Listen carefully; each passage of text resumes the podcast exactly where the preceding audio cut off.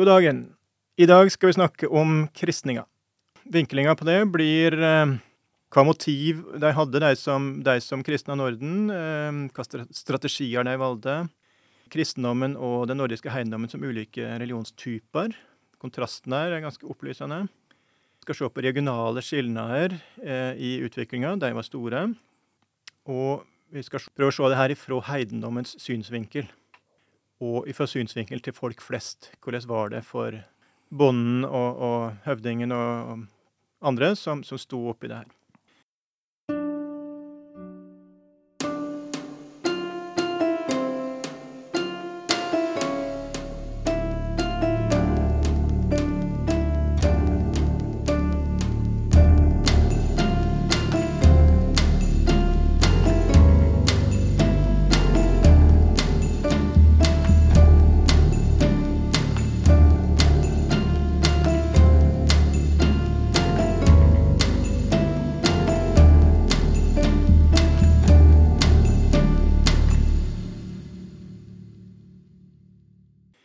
Gjest i dag er eh, Olof Sundquist, Olle blant venner. Hei, Ole. Hej, hej. Ja, ehm, kanskje du vil si litt om deg sjøl før vi går mer inn på selve temaet? Ja, eh, jag är professor i religionshistoria vid Stockholms universitet, men jag bor i Uppsala och jag disputerade i Uppsala för mer än 20 år sedan i religionshistoria Eh, på en avhandling som handlade om fornnordisk religion och härskarmakt. Eh, jag har växt upp i Uppsala där det finns mycket fornlämningar som har inspirerat mig till mitt yrkesval, tror jag. Eh, I Uppsala finns det en väldigt levande miljö också bland religionshistoriker, arkeologer, namnforskare som samarbetar. Så det har varit en eh, bra grund att utgå från Uppsala då, när man sysslar med det här ämnet. Ja. Og nå har du jobba en stund med ei, et bokmanuskript om, om kristninga? det så? Ja, eh, jag har fått eh, medel, externa medel, forskningsmedel för att skriva en bok om egentligen eh, kristnandet, men egentligen handlar den om försvinnandet utav den fornordiska religionen. Alltså när man har tittat på kristnandet så har man ofta betonat resultatet utav den här processen, det vill säga eh, den tidiga kristendomen och det tidiga kristna samhället. Mitt mål är att studera de mekanismer som fanns bakom försvinnandet utav den fornordiska religionen. Alltså perspektivet ligger i huvudsak på den fornnordiska religionen. Och jag tittar på det här mest utifrån ett härskarperspektiv och eh, det som jag kallar för en inhemsk agens. Alltså det är de inhemska krafterna som verkade kring eh, övergången då man Ja, lämnade den Ja. gamla Men, religionen. men altså makt, herskerperspektiv, altså at det, er, eh, det må jo makt til for å, for å skifte ut en religion med, med en annen. Absolut, det verkar, man brukar tala om en top-down process, att det är eliten, kungamakt, hövdingar som först går över till kristendomen och eh, folket, de bredare folklagren kommer senare. Ja. Men kan vi kanskje he, først se mer på det med Eller hva motivasjon? Det er jo ikke selvsagt det at kongene skulle ønske å skifte religion. Hva, hva det seg om? Ja, många utav eh, kungarna under andra hälften utav vikingatiden, de var ju ute i Europa och ett eh, syfte var ju att skapa nätverk. Man, hade, man gjorde giftermålsallianser, man gifte bort sina döttrar med furstar i Europa som var kristna då. Man byggde nätverk för att kunna bedriva handel eh, och politiska allianser. Eh, Sen så fanns det också ett, eh, ett socialt perspektiv naturligtvis. Eh, Det verkar som om kristendomen blev en slags eh, prestigereligion, alltså att man, man fick social prestige av att bli kristen och särskilt om en eh, kristen kung stod som fadder vid dopet så, Ja. så kunde det här... Nettopp. Altså så at elitene i, i Norden assosierte seg med Identifiserte seg med, med elitene sørover i Europa, og, og da var det et poeng å ha samme religion. Ja, och vi kan se bland annat att man ger eh, gåvor till eh, ärkestiftet i Hamburg-Bremen till exempel. Och, alltså, man bygger upp de här nätverken med gåvobytessystem. Alltså att man, man får kristendomen, man skänker gåvor. Och, eh, det, det handlar om att få samman ett socialt kitt med viktiga grupper som fanns i Europa. Och, och det är i huvudsaken eh, kungar och eliten i Norden som ägnar sig åt det här. Då. Men så er det vel nevnt ofte at det her som, som motivasjon det at kristendommen kan være et maktmi- maktmiddel for kongene. Absolut, eh, och, och eh, det kommer ett slags eh, kristen härskarideologi med eh, kristnandet. Men, men flera forskare har betonat att det finns också inhemska element i den här ideologin. Det här med härstamning verkar vara viktigt även för de tidiga kristna kungarna. Och, och kanske att de skulle vara framgångsrika, stridbara. Alltså i det gamla förkristna samhället så talar man ju ofta om krigarfurstar. Ja. Och det verkar som om de tidiga eh, kungarna, de, de var en slags, eh, alltså tidiga kristna kungarna var en slags krigarfurstar. Ja. Och man, man har, eh, har tittat lite grann på den fornnordiska mytologin eh, där gudarna framställs ofta som krigare. Alltså, de är krigiska helt enkelt. Och i den tidiga kristna skaldediktningen så framställs även Kristus som en krigare. Och Mm, ja. Vi har den här, de här Ja. korsen, krucifixen med den segrande Kristus. Alltså Ja, det, inte... det, er ganske slående når vi tenker på hva som er den pasifistiske Jesus, eh, venn det andre kjenner til og sånt. Altså at, nei, det, det var inte så aktuellt där nej. under den tidiga fasen. Nei, nettopp. Men hva med det, mm, altså kristendommen som, som en sentralisert institusjon, derimot, i motsetning til, til heidendommen da, som desentralisert og dermed i viss forstand eh, anarkistisk? Ja, alltså man hade ju ingen prästinstitution som motsvarar katolska kyrkans prästerskap utan eh, religionen var lokalt organiserad. Det var hövdingarna som ofta hade helgedomar på sina egna gårdar, så kallade hov, någon slags eh, kultbyggnad, Mm. hörg som eh, Eldar själv har skrivit en del om och som eh, vi vet inte riktigt vad det var men det är en slags rituella strukturer och så vidare som fanns på gårdarna och man bjöd in folk då till offerfester då man offrade till gudarna och eh, man hade kommunionsmåltider då man åt tillsammans. Det var en viktig del utav den gamla religionen, ätandet och drickandet tillsammans med eh, de andra i gruppen och med gudarna. Gudarna deltog i måltiderna. Men strategier, da er vi kanskje over um, i den retninga? Ja, och, och jag, jag tittar eh, då i mitt projekt här på eh, några, eh, vad ska vi säga, några områden i den gamla religionen som de här tidiga kristna kungarna som alltså kom från Norden, det var in, inhemska kungar, som de ägnade sig åt. Och inledningsvis eh, så hade de svårt, för, för de mötte en stark hednisk makt också eh, tidigt i kristnandet. Och det var svårt att få människor att förändra sig i tanken och föreställningar och världsbild och så vidare. Därför riktade man in sig på det som människorna gjorde, alltså det rituella handlandet eller det vi kallar för kult. Och eh, inledningsvis så verkar det som om eh, flera kungar vägrade att utföra sina rituella uppgifter. Det var nämligen så att då kungen deltog i de här offerfesterna så fungerade han som en länk mellan människorna och gudarna. När kungen blotade så gjorde han det å folkets vägnar.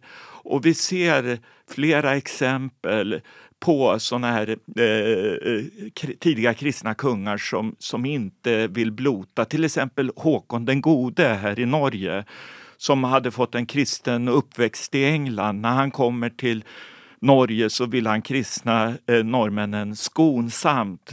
Men han möter ett motstånd uppe i, i Tröndelag, bland trönderna. Och eh, det visar sig till slut att han tvingas att delta i de här offermåltiderna, att blota till ars och fridar för ett gott år och fred.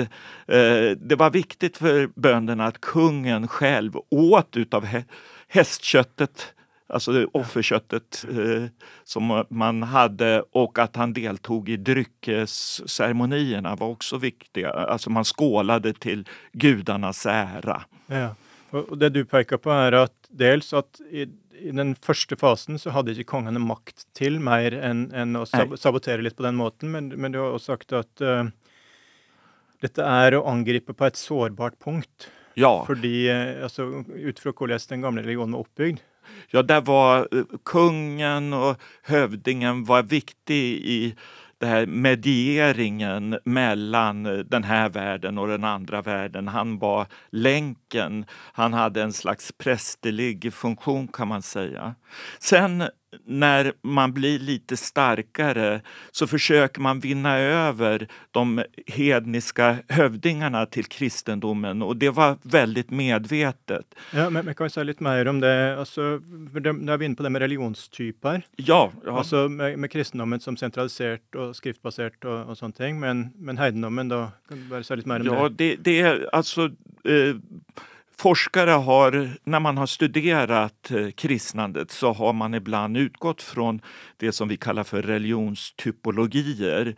Och eh, en modell det är att man tittar på eh, skillnaden mellan det man kallar för en etnisk eller folkreligion och det är en religion som är baserad i kulten eh, där eh, man föds in i den religiösa gemenskapen. Det är självklart att man tillhör den här religionsgruppen eftersom man är eh, tillhör trönderna till exempel, då är man hedning. Och, Eh, motsatsen är det man kallar för en universell religion, det vill säga en religion som betonar eh, det individuella och där eh, man ska frälsas. Och den religionen vänder sig till alla människor på hela jorden. Den är inte begränsad till en specifik folkgrupp. Mm.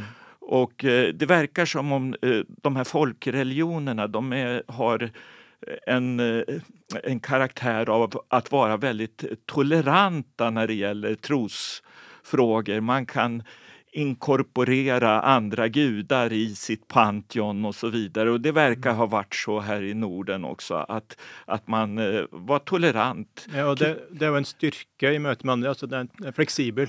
Den var det, flexibel, styrka på ett sätt, ja. men också en svaghet kanske i kristnandeprocessen då därför det var lätt för, för missionärerna att eh, ta upp de här frågorna. Det, alltså, man brukar säga att, att eh, kristendomen är trosexklusiv och bygger på dogmer och normer och ja. att man måste tro på ett alldeles speciellt sätt. Och, och det skyddar ju den typen av religion medan hedendomen som eh, var inklusiv eh, kunde inkorporera element från andra religioner och andra folk och så vidare. Mm. Så den var mycket mer flexibel. Eh, men i, i ja, men, själva... Men, sår, men sårbar, du snackade om här i alltså det med att um, fordi heidendommen uh, hörde till en munlig kultur, ja, så, precis. så, så, så uh, vart han um, Altså, det, det, var ikke skrifta som var det, det stabile elementet, men tvert imot ritualer, de, de årlige eh, festene, ja, kult, kultsamlingene. Slik at hvis en eh, angrep deg Ja, så eh, man brukar tala ibland om, att, om primära religioner som egentligen liknar de här folkreligionerna. Då. Det är religioner som saknar en kanonisk skrift där minnet kring religionen finns i ritualerna. Alltså då man årligen upprepar vissa eh, ritualer så bevaras minnet utav tron, utav religionen. Alltså själva repetitionen eh, bevarar minnet. Och vid de här kult, kultiska aktiviteterna så aktualiseras också myter och andra saker som ja. hör till religionen. Ja, och, och när en inte har då, heliga skrifter som, som lever oavhängigt av det här så, så, blir, så är en sån religionstyp sårbar om den klarar att angripa ritualer. Ja, precis. Så det, det, eh, om man eh, Eh, utrotar eh, kultaktiviteterna då, då förlorar man minnet kring de gamla traditionerna eftersom allt minne var fokuserat kring det kultiska.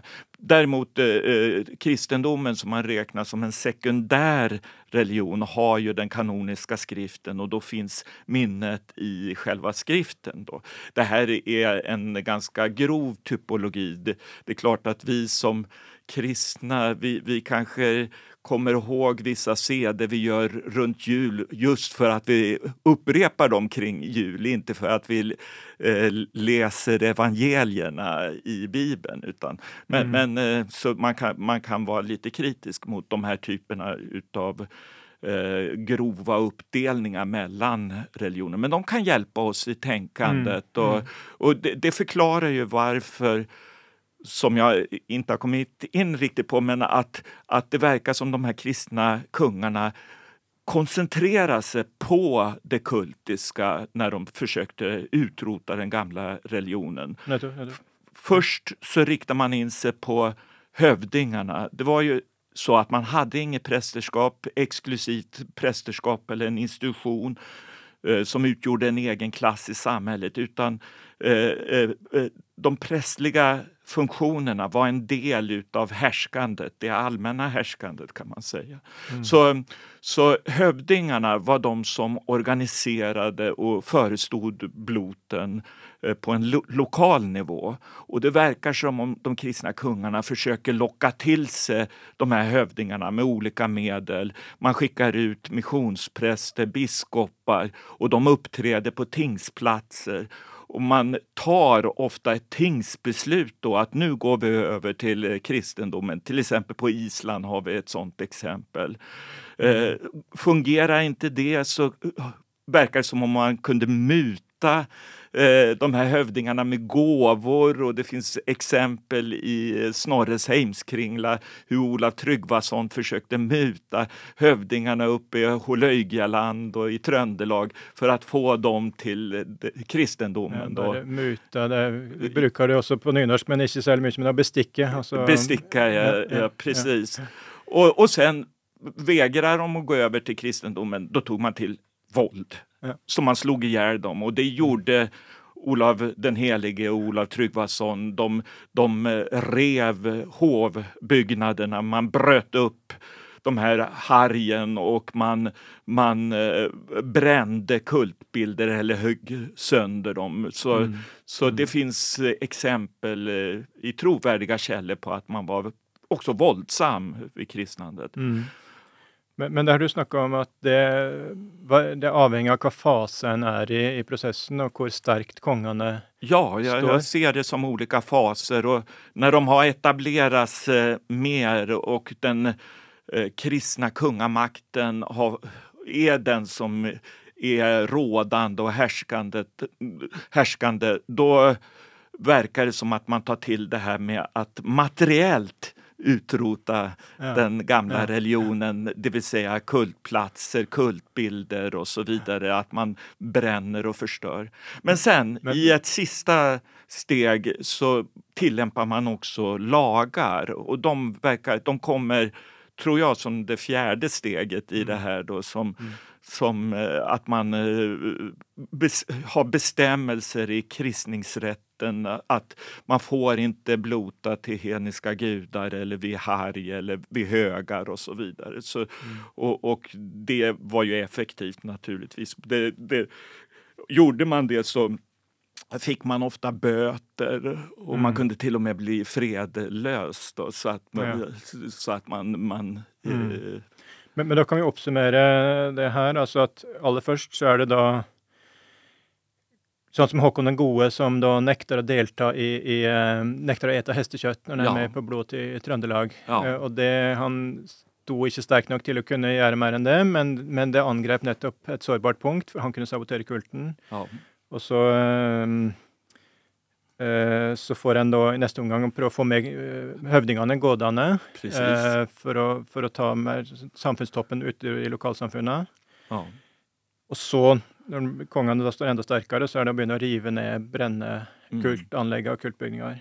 Og så til slutt i lovene. At Ja. da har en grepet sånn at da kan en bare forby, Ja. eh, forby den, den eh, gamle religionen. Det som är lite speciellt då med eh, Norden det är ju att myterna, de gamla myterna bevaras. Ja. Och det verkar som, och det är framförallt på Island då som man bevarar myterna. Och det har man ju funderat på, varför överlevde de här myterna? De uppfattades inte som lika hotfulla då som det här kultiska, rituella utav den katolska kyrkan Mm. som för övrigt var väldigt rituell där man skulle utföra olika saker i samband med mässan. Så Ja. alltså riterna var viktiga. Och det, vi, vi tänker kanske idag som eh, moderna människor att religion det är tro, alltså det är något individuellt och något som, som sitter i huvudet, i bröstet. Men eh, Ja, det er fordi at vi er fra en, en del av verden der protestantisk kristendom har eh,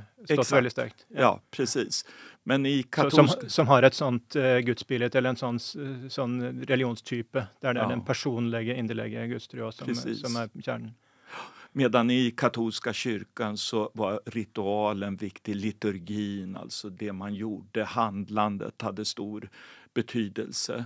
Ja. Och, och så var det i den fornnordiska religionen också. Men det kan förklara att, att man eh, kunde bevara de här mytiska berättelserna. Och, och man har försökt förklara, det var goda berättelser helt enkelt. Det var underhållande med de här myterna. De kunde också kanske förklara, det fanns ju föremål som hade med den förkristna religionen bevarade. Uh, Ortnamn till exempel fanns ju som Frösvi, guden Frejs heliga plats och så vidare. Och då, Man måste förklara det här och då kunde myterna vara bra. Man har menat att de gamla myterna var bra att tänka med. Men kanske det viktigaste skälet eh, som vi vet det är när Snorre Sturlason, den isländske hövdingen, skriver sin Edda så gör han det som ett slags poetik, det vill säga han gör en lärobok för skalder. Och i den gamla poesin så använder man myterna som metaforer och bilder. Så, så poesin var mytiskt färgad. Och då var det viktigt att man hade kunskap om myterna och de gamla vi, hvis vi berättelserna. ser på vår litteratur fra 1800-tallet, så er det jo eh, mye på samme måte når det gjelder Bibelen. Den viser til Bibelen hele Exakt. tida, Precis. som, eh, som eh, mindre nå, da. Ellers så er det det med hvor mye som skulle kristnes. For du, du er inne på altså, egentlig, En kunne jo tenkt seg òg at um, Torshov og Ullensvang og sånne navn, at de òg ble skifta ut. For en prøvde jo faktisk på vekedagsnavna. Onsdag, Odinsdag, torsdag. Ja. Um, og, og skift, prøvde å skifte dette ut med da, eh, dagnavn som ikke viste til kristendommen. Det klarte en i større eller mindre grad. Nej. Så, så, så i, um, men så, så på, is, ja, på Island, Island så klarte en det. Ja. Sånn at det er um, onsdager, medvekedager, som da i, finst, in, eller fanst i norske dialekter. Mm. Mekdagen, altså medvekedagen, midtvekedagen. Så det var en, en eh, digresjon. Ja, det, det tyder ju på att de här gamla teofora ortnamnen till exempel, alltså de som har eh, element utav gudanamn, eh, till exempel Torshov, att det var så inarbetat i människornas vardag, i deras föreställningsvärld. Det fanns inte den här kanske direkta associationen då till den gamla kultplatsen. Alltså för, för de tidiga generationerna kristna så kanske det fanns kvar. Och eh, något som är intressant eh, det är ju det att man ofta anlägger de tidiga kyrkorna, de blir resta på platser som har teofora ortnamn, alltså där det finns gudanamn mm. eller andra element som har med den hedniska religionen att göra i ortnamnen. Här är jag kanske tillbaka vid strategi. Att, uh, ja, kunde, ju, kunde ju tänkt ja. sig att den skulle ta ja. sån avstånd till den gamla religionen att kyrkan skulle byggas en helt annan stad, men att här ja. tänkt att det var mer taktisk, ja. mindre brutal övergång om den byggde kyrkan ja. på samma stad som folk var vana med att söka ja. till. En, en sak som eh, jag har funderat lite grann på det här med hedniskt motstånd, vi kanske kommer in på det senare också, men eh, att det fanns en oro kring att vissa saker skulle försvinna från den gamla religionen, till exempel de här gamla offerfesterna som man enligt tradition hade firat vid bestämda tillfällen under året. Alltså man talar om mm. kalendariska riter. Och eh, vid de här festerna så utförde man ofta eh, offer och i samband med offer så eh, eh, fick man också äta en kommunionsmåltid. Man åt tillsammans och man drack tillsammans. Och det finns upp... Vi har ju en uh, variant av det i kristendomen också, med nattvärden. Ja, ja, ja. Lite stursliga saker i sammanläggning. viktigt. Och det, ja. och det tänker vi inte på i grekisk och romersk religion, att det här ätandet är en del av offret. Det är viktigt i offret. Och då har vi exempel från bra källor. Till exempel den tidigaste kungasagan Ågrip beskriver hur Ola Tryggvason han eh, tog bort det som kallas för blåt dryckjur.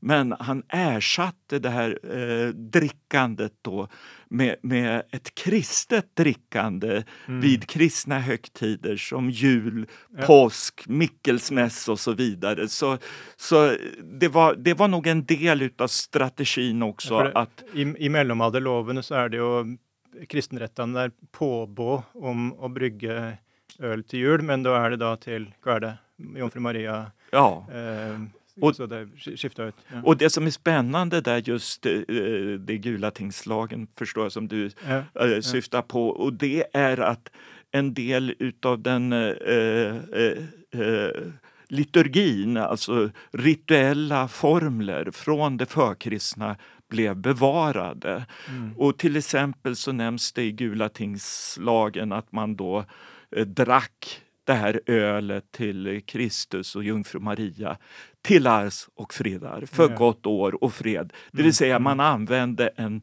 förkristen en hednisk formel. Mm. Eh, så, så där talar man om, om ja. kultkontinuitet. Då. Mm. Kanske nämn, peka på alltså, jula är ju en för, förkristen högtid. Jula är ju, Precis. Alltså, Jolnir är ju ett namn på, på Odin. Jol ja. är högtida, Jolnir. Eh, och Jolen är ju gudarna som, som, ja. den heidengudarna som, som kollektiv.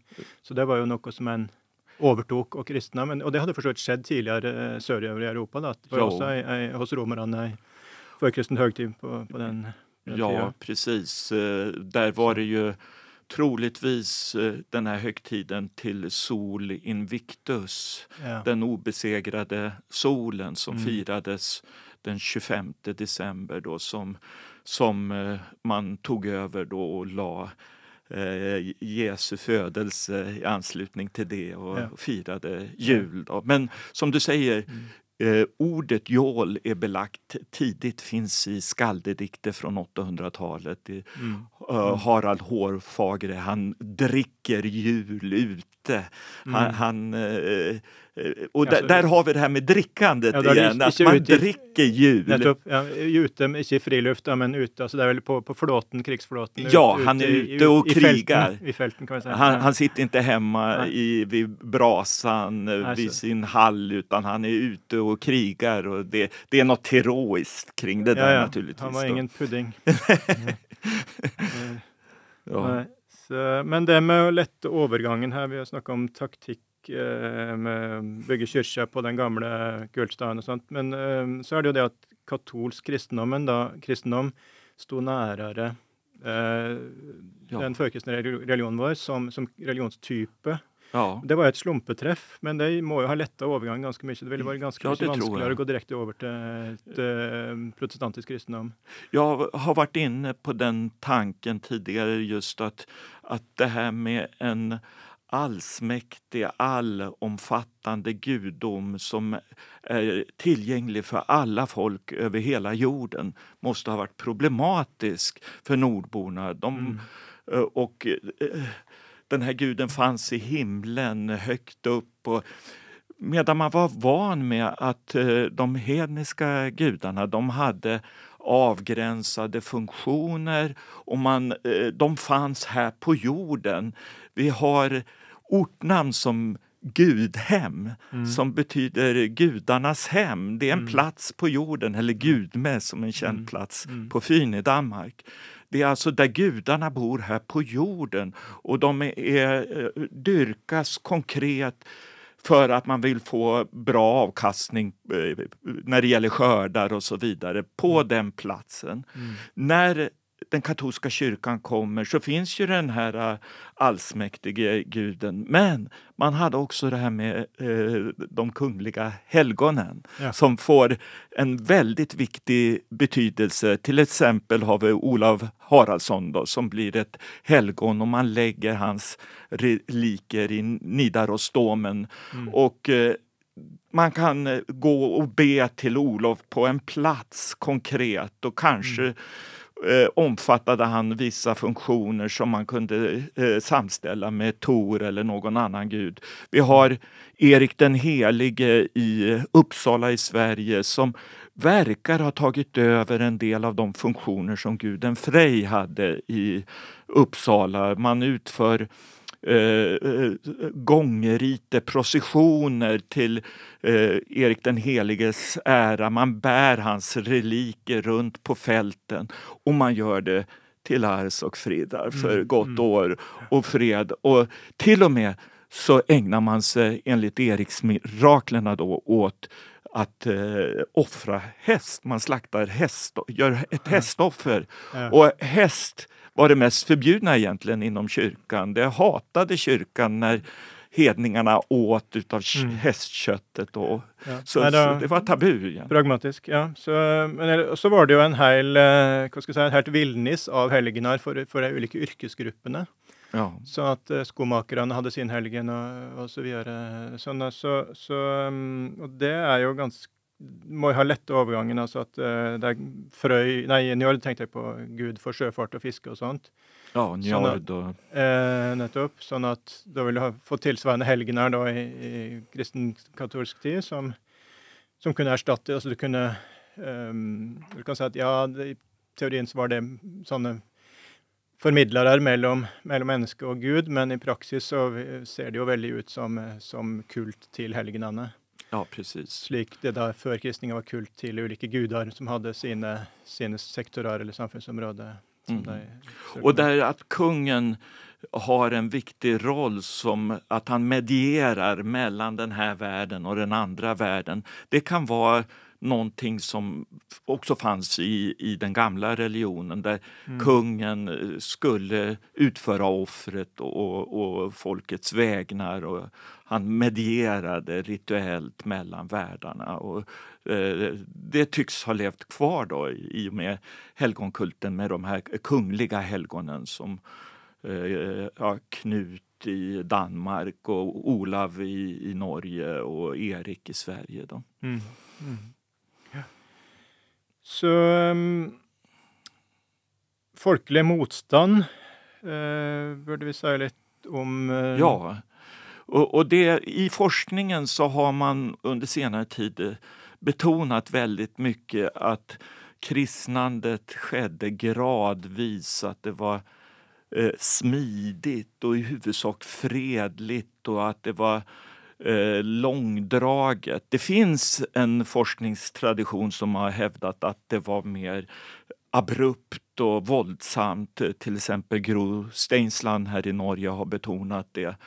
Och det verkar som om man tittar uteslutande på eh, skriftliga källor så kan man få den här föreställningen om ett, om ett eh, våldsamt brott.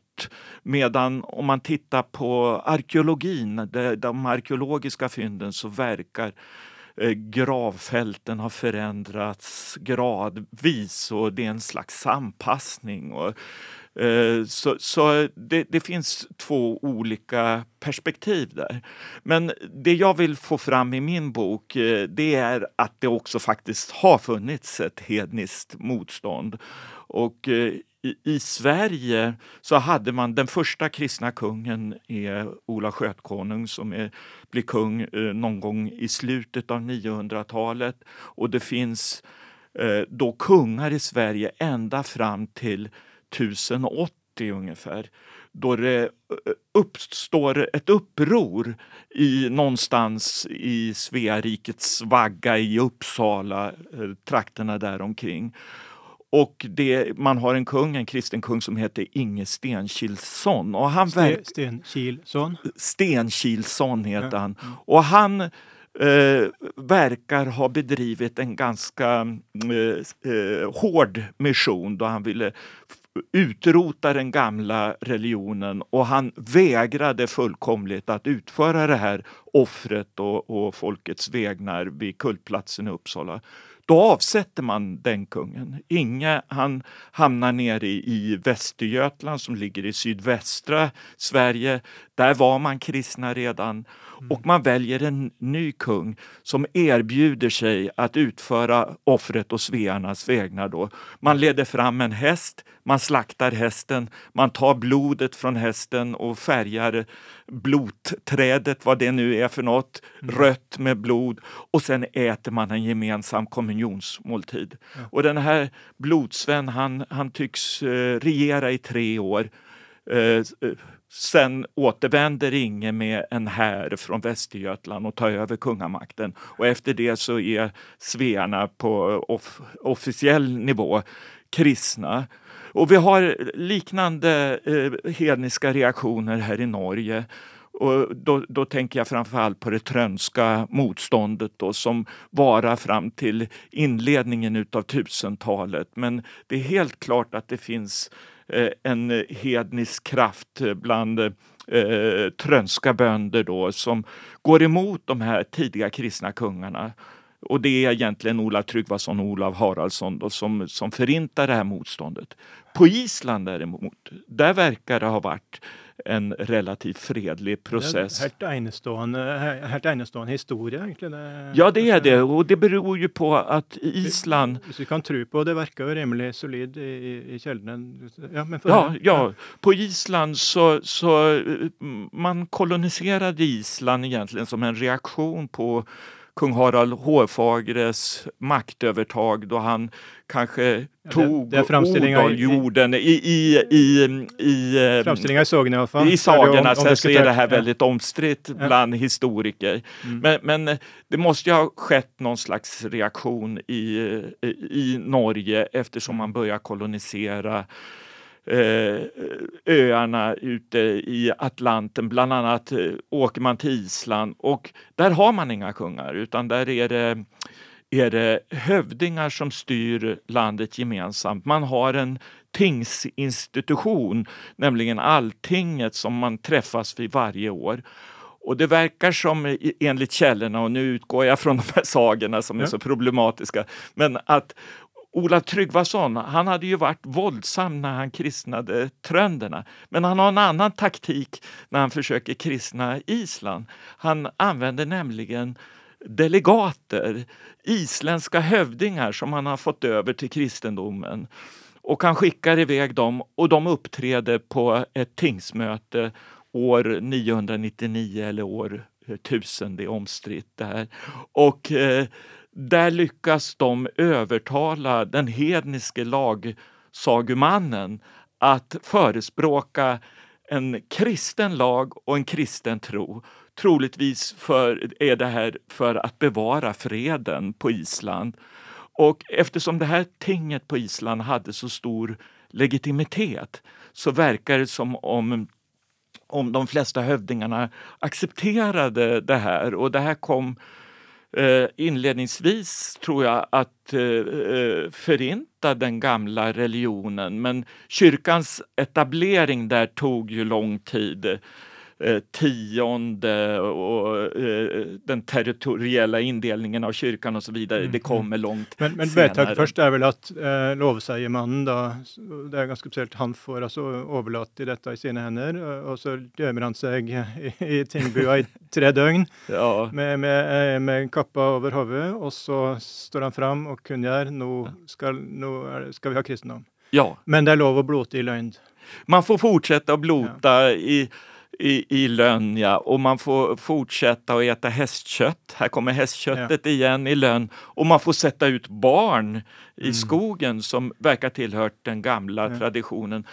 Allt det, det här visar ju, det här var ju någonting som var, tydligen var viktigt i det gamla samhället. Att kristendomen också hade inverkan på eh, människornas grundläggande levnadssätt. I och med kristendomen så fick man ju nya högtider. Man skulle fasta på helgdagar, kristna helgdagar och på söndagar. Det här fick ju betydelse för jordbruket, de traditioner och seder man hade kring jordbruket. Och, eh, Det å måtte holde seg hjemme den dagen det er høytørk, eh, altså det kan være ganske kritisk. Men spørsmålet er om de gjorde det i praksis. Altså, Ja, ja, det var ju säkert var det många hövdingar som hade gårdsfolk som skötte allting och som struntade i de här. Men, men eh, det är saker som, man, som nämns i källorna då, att man eh, är, inte gillar det här. Och sen det som jag tror kanske är ett ett eh, eh, viktigt motiv då att bevara den gamla religionen det är att man var orolig att makten skulle förflyttas från eh, den lokala tingsförsamlingen eller den regionala tingsförsamlingen. Att den eh, kristna kungamakten tillsammans med kyrkan skulle centraliseras och få en allt starkare eh, politisk makt i samhället. Och jag tror eh, det här, är- till exempel i, i Sverige så verkar det som eh, den gamla tillsättningen av kungar som skedde vid en gammal tingsplats. Det var ett politiskt motiv. Man ville bevara det gamla samhället, den hedniska kulturen. När kyrkan eh, får makt i Sverige så, så kröns kungarna i katedralen i Uppsala istället. Den här gamla tingsplatsen Mora som ligger söder om Uppsala Ja. har spelat ut sin roll till stora delar. Det, det du skisserer her, det minner meg om den norske EU-motstanden. ja, det Alltså, kan man det- säga. Det finns många. Sjølråderett Ja. og, og, og så um, det er langt Et slagord var jo både i 72 og 94. Det er langt til Oslo, men det er lenger til Brussel. ja, och, Eh. och det var... Eh, och många forskare talar inte bara om kristianisering utan om europeisering också. Att, Mm. Ja, ja. att den europeiska kulturen når Norden. Och det är ju många saker man får nya organisationsprinciper principer som kyrkan för med sig som har sina rötter i det gamla romerska systemet. Eh, man får en skrift Mm. man får en administration som man kan använda för att utöva Skriftbasert. ikke ja, skriftbaserat samhälle. Eh, ja, det är många saker, alltså Mm. saker som kanske man inte tänker på. För Det- att man detta- ser religion så begränsat. Tilbake det, til det med mot, hva motiv kongene hadde, at dette eh, er vel også noe en skal Ja, ta ja. med. At eh, En måte å drive samfunnet på som eh, Hvor klart de har sett det, kan jo diskutere. Men, ja, som, Men- men- Ol, ja, Nei, vær så god. Ja, till exempel de norska kungarna, Olav Tryggvason och Olav Haraldsson, det är mycket om dem. Eh, de hade ju varit ute på resor och de hade ju varit nere på kontinenten och sett hur ett kristet kungadöme styrdes och hur man använde en skrift, ad, skriftlig administration. Och, Ja. Ja. ja. Da, det er ikke urimelig å tro at de har sett dette er praktisk. Dette vil jeg ha. Ja, det, det, det vet vi ju inte. Men, men det är ju mycket möjligt att man får mycket inspiration under de här resorna. Mm. Men bare det med Jeg drar parallelt til, til norsk EU-motstand, men og så er det det med i, vedtaket på Island, Alltinget der i årtusenet, er jo ekstra interessant i lys av det med den islandske sjølforståinga i islendingssågene, som er altså island, islandske såger fra 1200-tallet, som, Mm. som forteller om oppbråtet fra eh, Norge, og hvordan Altså, folk slo seg ned på Island, også de første slektene, eller nei, ikke dere, eh, slektsledda der borte. Mm. Men, og der er det jo den, den grunnforståinga at de, det var egentlig eh, de som nekta å innordne seg eh, tyrannen Harald Hårfagre. De, de, som, de med, med mest integritet, de, de ville ikke være med på, på det som skjedde her, så de, de stakk til Island, og de kunne leve videre som, som frie menn. Ja. Så, og det er jo eh, den dag i dag altså Jeg har snakket med islendinger som Mm. sjølsagt ikke i fullt alvor, men, men likevel kanskje mener litt med det, at, eh, at det var anarkistene som, som flykta til Island. Mm. Og det er jo sånn eh, i dagens islandske samfunn, det er mindre sånn gjennomregulert. Det er litt Mm. En ser litt st- mer stort på det i en god del tilfeller. Så det at en da valgte helt sjøl, uten eh, tyrann, som kunne brenne gardene til folk og, og, og pine folk, eh, valgte da fredelig overgang til kristendommen. Det jo Mm. ganske interessant. Men det Dels som var det vel det at det var ganske mange kristne, fordi at det var en stor del av befolkninga som, som kom via Irland og, og, Ja. og England Skottland, der kristendommen sto, Mm. eh, eller som var kristne land, stort sett. Ehm, men så er det vel òg kanskje det at de visste at vi er veldig små og veike her ute i havet. Vi er helt avhengig av god, godt samarbeid med, med landene på fastlandet. Mm. Det er kristendommen som er på frammarsj. Ehm, det er klokest, rett og slett. Ja. Ja. hva tror du om det? Ja, jag, jag tycker du gör en bra beskrivning här. Och, eh, det verkar som... Alltså man har funderat på...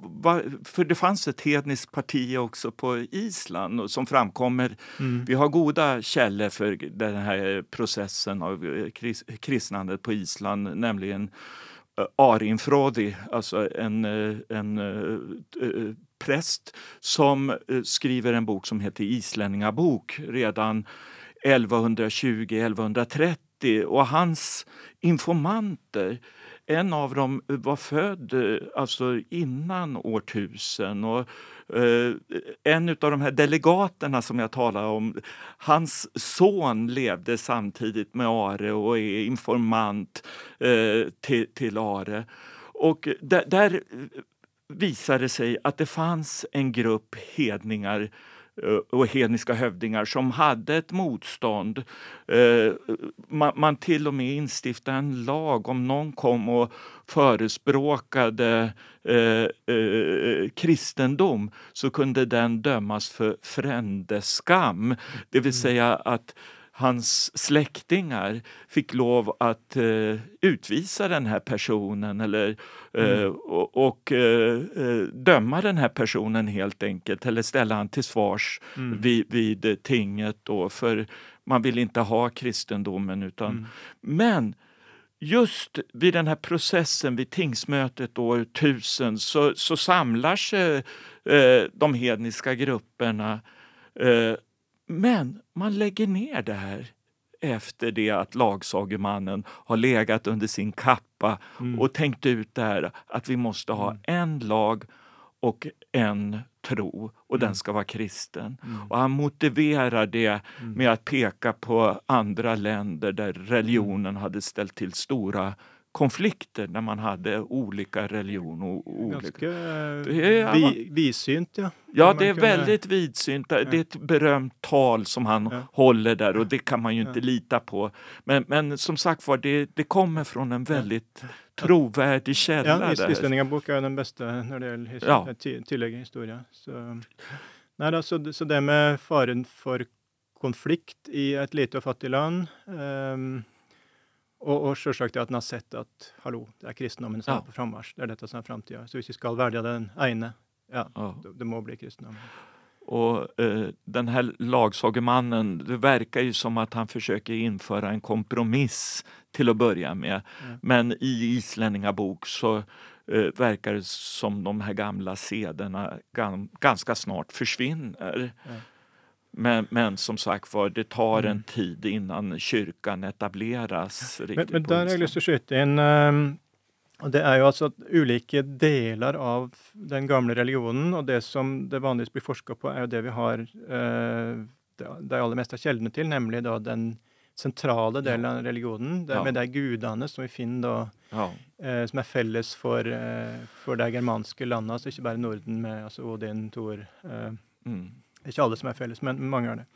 Ty. ehm, flere. Så, men, eh, men så er det jo det her i, som dessverre er veldig lite fanga opp i kjeldene, men det er nokre glimt som er Mm. akkurat nok til at vi ser at dette må ha vært eh, i stor grad som i det vi kaller folketru fra seinere tid, med, med tusser og troll og, og Ja. vette og underjordiske og hulder, huldrefolk, alt det her. Eh, tomten, eh, godbonden, eh, och allt det här, Makter i det lokala landskapet. Eh, en svär fauna av makter i det lokala landskapet som man offrar till på Sätervägen eller när en ska ut och, och fiska och, och, när en kokte gröt, eh, klype mjöl nede i, i elden. Låke skal òg ha sitt, som eh, alltså helt upp till i dag har en eh, sagt sånne. Så ehm, Og det er jo interessant. Du nevnte noe i stad om altså, Mytene fikk leve videre. altså De Mm. ble ikke stempla som, som ukristelige, men altså, ble nedskrivne av Snorre, som var prest, på, og, og også i andre, andre tekster nedskrivne, my, myter nedskrivne. Så, så, eh, ja. men, men ikke minst at en hel svær del av religionen, da, som tydeligvis eh, ja, den kan, Det det ser ut til, er vel at det der med det underjordiske og tussene og alt det der, ikke ble oppfatta som direkte motstridende til kristendommen. Nej. Og derfor fikk det være i fred. Ja. Jo, så, så det här när jag talar om kristnandet så talar jag om det, kristnandet på en officiell Ja. nivå i samhället då, då det blir Ja. eh, landets officiella religion. Den som Mm. ofta cirkulerar kring elitgrupper och, medan eh, många gamla seder kom att leva vidare i folktron. Och så så det, det finns ju säkert kvar än idag eh, föreställningar som kan gå tillbaka. I alla fall så upptecknades en del sådana seder på... for- sette på spissen så kan man si at det er så livskraftig at, eh, at ordet troll er lånt til engelsk Ja, eh, nå i moderne etter at internett eh, ble etablert. Så er jo ordet Ja, troll är som, som, eh, som skriver seg fra Ja. Det ska man väl ha klart för sig. När det gäller vanliga människor så var det ju inte, när de gick över till kristendomen så var det inte att de blev frälsta eller att det var en övertygelse, en, en, att det var budskapet, alltså som man kanske förr pekade på. Utan jag menar att eh, den här omvändelseprocessen handlar väldigt mycket om sociala faktorer. För vanliga människor var väldigt beroende utav sina ledare. Det, till, eh, det handlade om att tillhöra en viss grupp helt enkelt.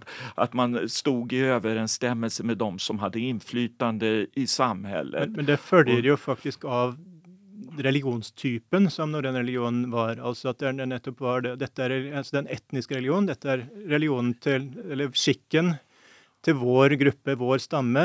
Her, vi er det sånn her hos oss. Eh, Precis. og så har vi samene og, og finnene og sånn. De har sine guder og sine skikker. Så. Ja.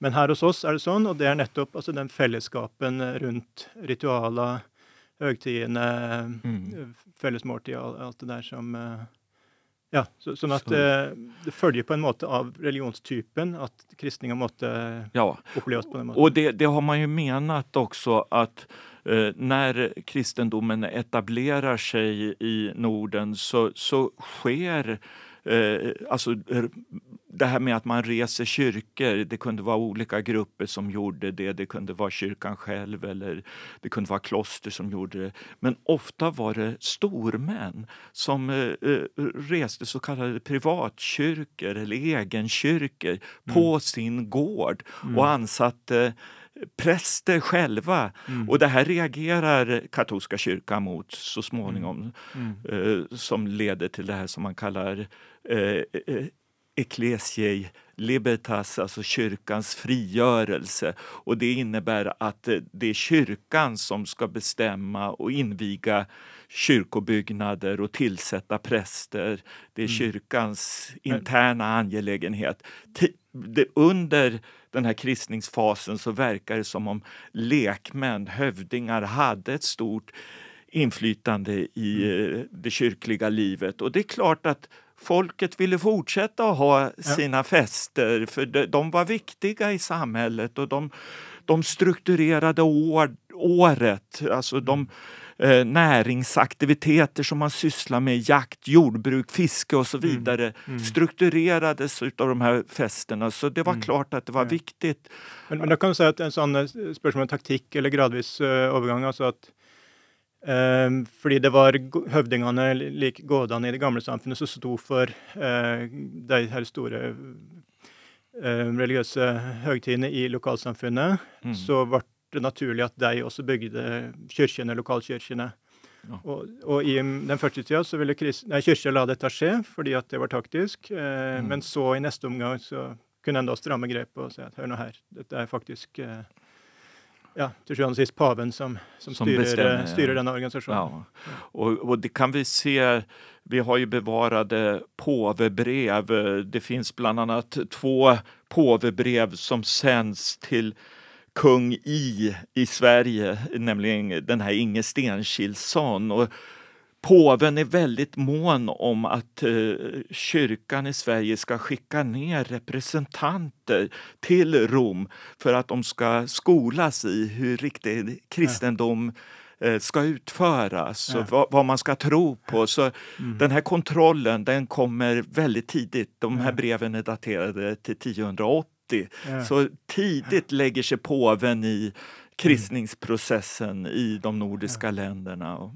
Här passar det att gå över på det med regionala skillnader. Och, och, ja, och, ja. Och, och det, när man tal, förr talade om kristnandet utav Norden så såg man det som en process som skedde ungefär samtidigt på alla mm. platser.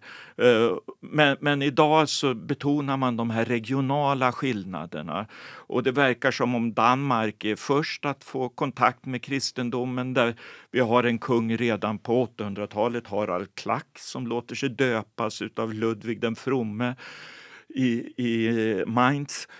Men där i Danmark så det officiella kristnandet brukar man datera till 960. I Norge och på Island så är det år 1000 som man mm. sätter som ett riktmärke.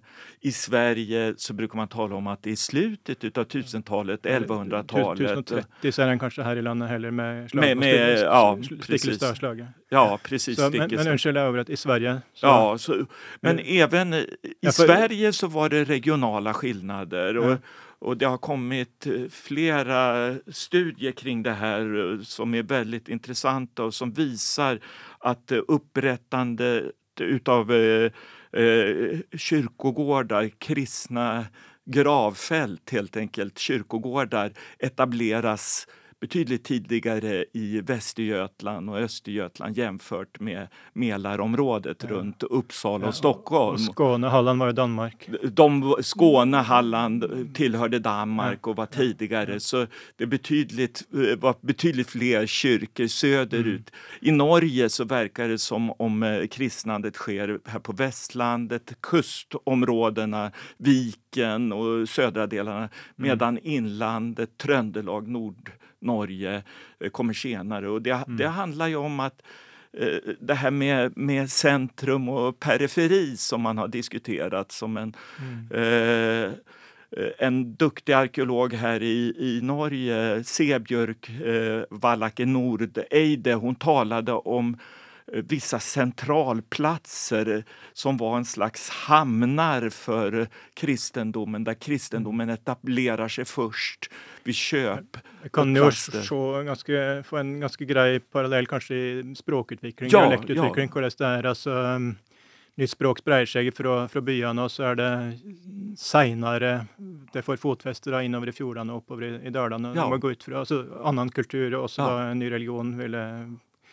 ha samma mönster. Ja, precis. Och, och det, vi har paralleller i Sverige med Öland som är lite senare och som Ja. påminner om Mälarområdet fast det ligger relativt Mm. nära Östergötland och de här områdena. Men då har vi alltså, hvis vi tror på det med Danmark, eh, 800-tallet, Mm. eh, og så Uppland kanskje så sent som rundt 1100. Ja. Det er vel gjort Ja. en ganske ny stu- Fredrik Charpentier Ljungqvist gjorde en Ja, studie. ja, Jeg prøvde å precis. se på alle kilder, både tekster, eh, arkeologisk og Ja, eh, hva det nå var mer. Um, kom fram til at jo, det ser sånn ut Ja. at det var så seint. Og det sterkeste argumentet er jo graver. At en Ja, ser at det det er- er eh, ja, graver av, av heiden type eh, fram til rundt eh, 1100. ja. Men der er det jo forskere som har, for, på grunn av de regionale skillene, har, ikke har kunnet tro på det. Sagt at nei, men det er helt utelukka når det var Vest-Jørland var kristne lenge før. Så kan, der går det bare ikke an at det var så lenge etter i Oppland. Men, men det spørs jo hvor hva retning du vender deg. For at hvis du står i, i Uppsala da, og ser mot Göteborg, ok, så ser det rart ut. Men hvis du snur deg andre veien og ser mot Baltikum Ja. eh, Øst-Sverige har jo hatt mest kontakt den veien, og- for det var havet som, som eh, ikke skilte, men som batt sammen. Så, eh, og Mm. Baltikum, da er jo Kristne kommer ikke da før 1300-tallet, eller helt inn på 1400-tallet. Det är eh, en avhandling av Cecilia Ljung som handlar om sådana här tidiga kristna gravmonument. Det som tidigare kallades för Eskilstuna-kister. Aha. Det är alltså eh, liggande kister eller liggande stenblock som har runinskrifter Ja. och som uppträder på, på kristna, de är kristna De uppträder tidigt i eh, Västergötland, eh, alltså redan i slutet, eller början av tusentalet. Mm. Men de förekommer inte i Uppland. Det finns eh, en slags runstenar som förekommer på kristna gravfält i, i, eller på, på kyrkogårdar i, i Sverige. Men hennes förklaring där det är att man kanske inte ska se det på det här med, med ögonen eh, som vi har idag, som kristen tro och så vidare. Utan hon menar att det är ett mer vildvuxet kristet landskap i Uppland. Alltså kyrkan etablerar sig som en organisation tidigare och det kristna kungadömet får eh, tidigare eh, fasta rötter i Västergötland medan i, i Uppland så hon talar om ett vildvuxet kristet landskap där det finns parallellt finns traditionella gravfält Mm. eh, där, där eh, alltså vi har den gamla gravtraditionen parallellt med de här eh, kristna kyrkogårdarna där det finns runstenar.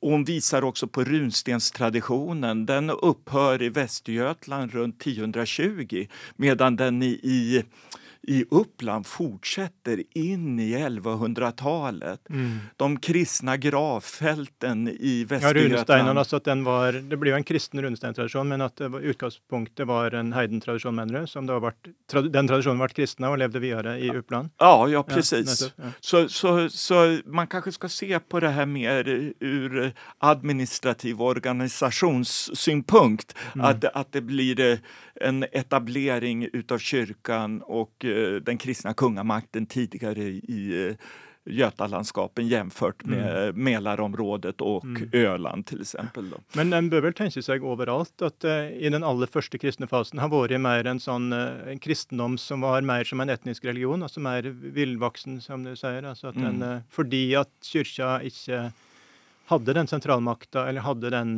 ikke var etablert omfattende nok til å kunne gjennomføre det som kom senere. Ja, det, det, och, och det, det är ju, alltså rent nominellt kunde man ha gått över till eh, kristendomen och man, alltså man döptes först men man Mm. blev kristen senare Ja, i livet helt mm. enkelt. Man Mm. fortsatte med sin Mm. gamla, de gamla traditionella praktikerna och föreställningarna och det, det finns ju jättebra eh, exempel på det som vi religionshistoriker kallar för synkretistiska fenomen, då, Mm. blandfenomen.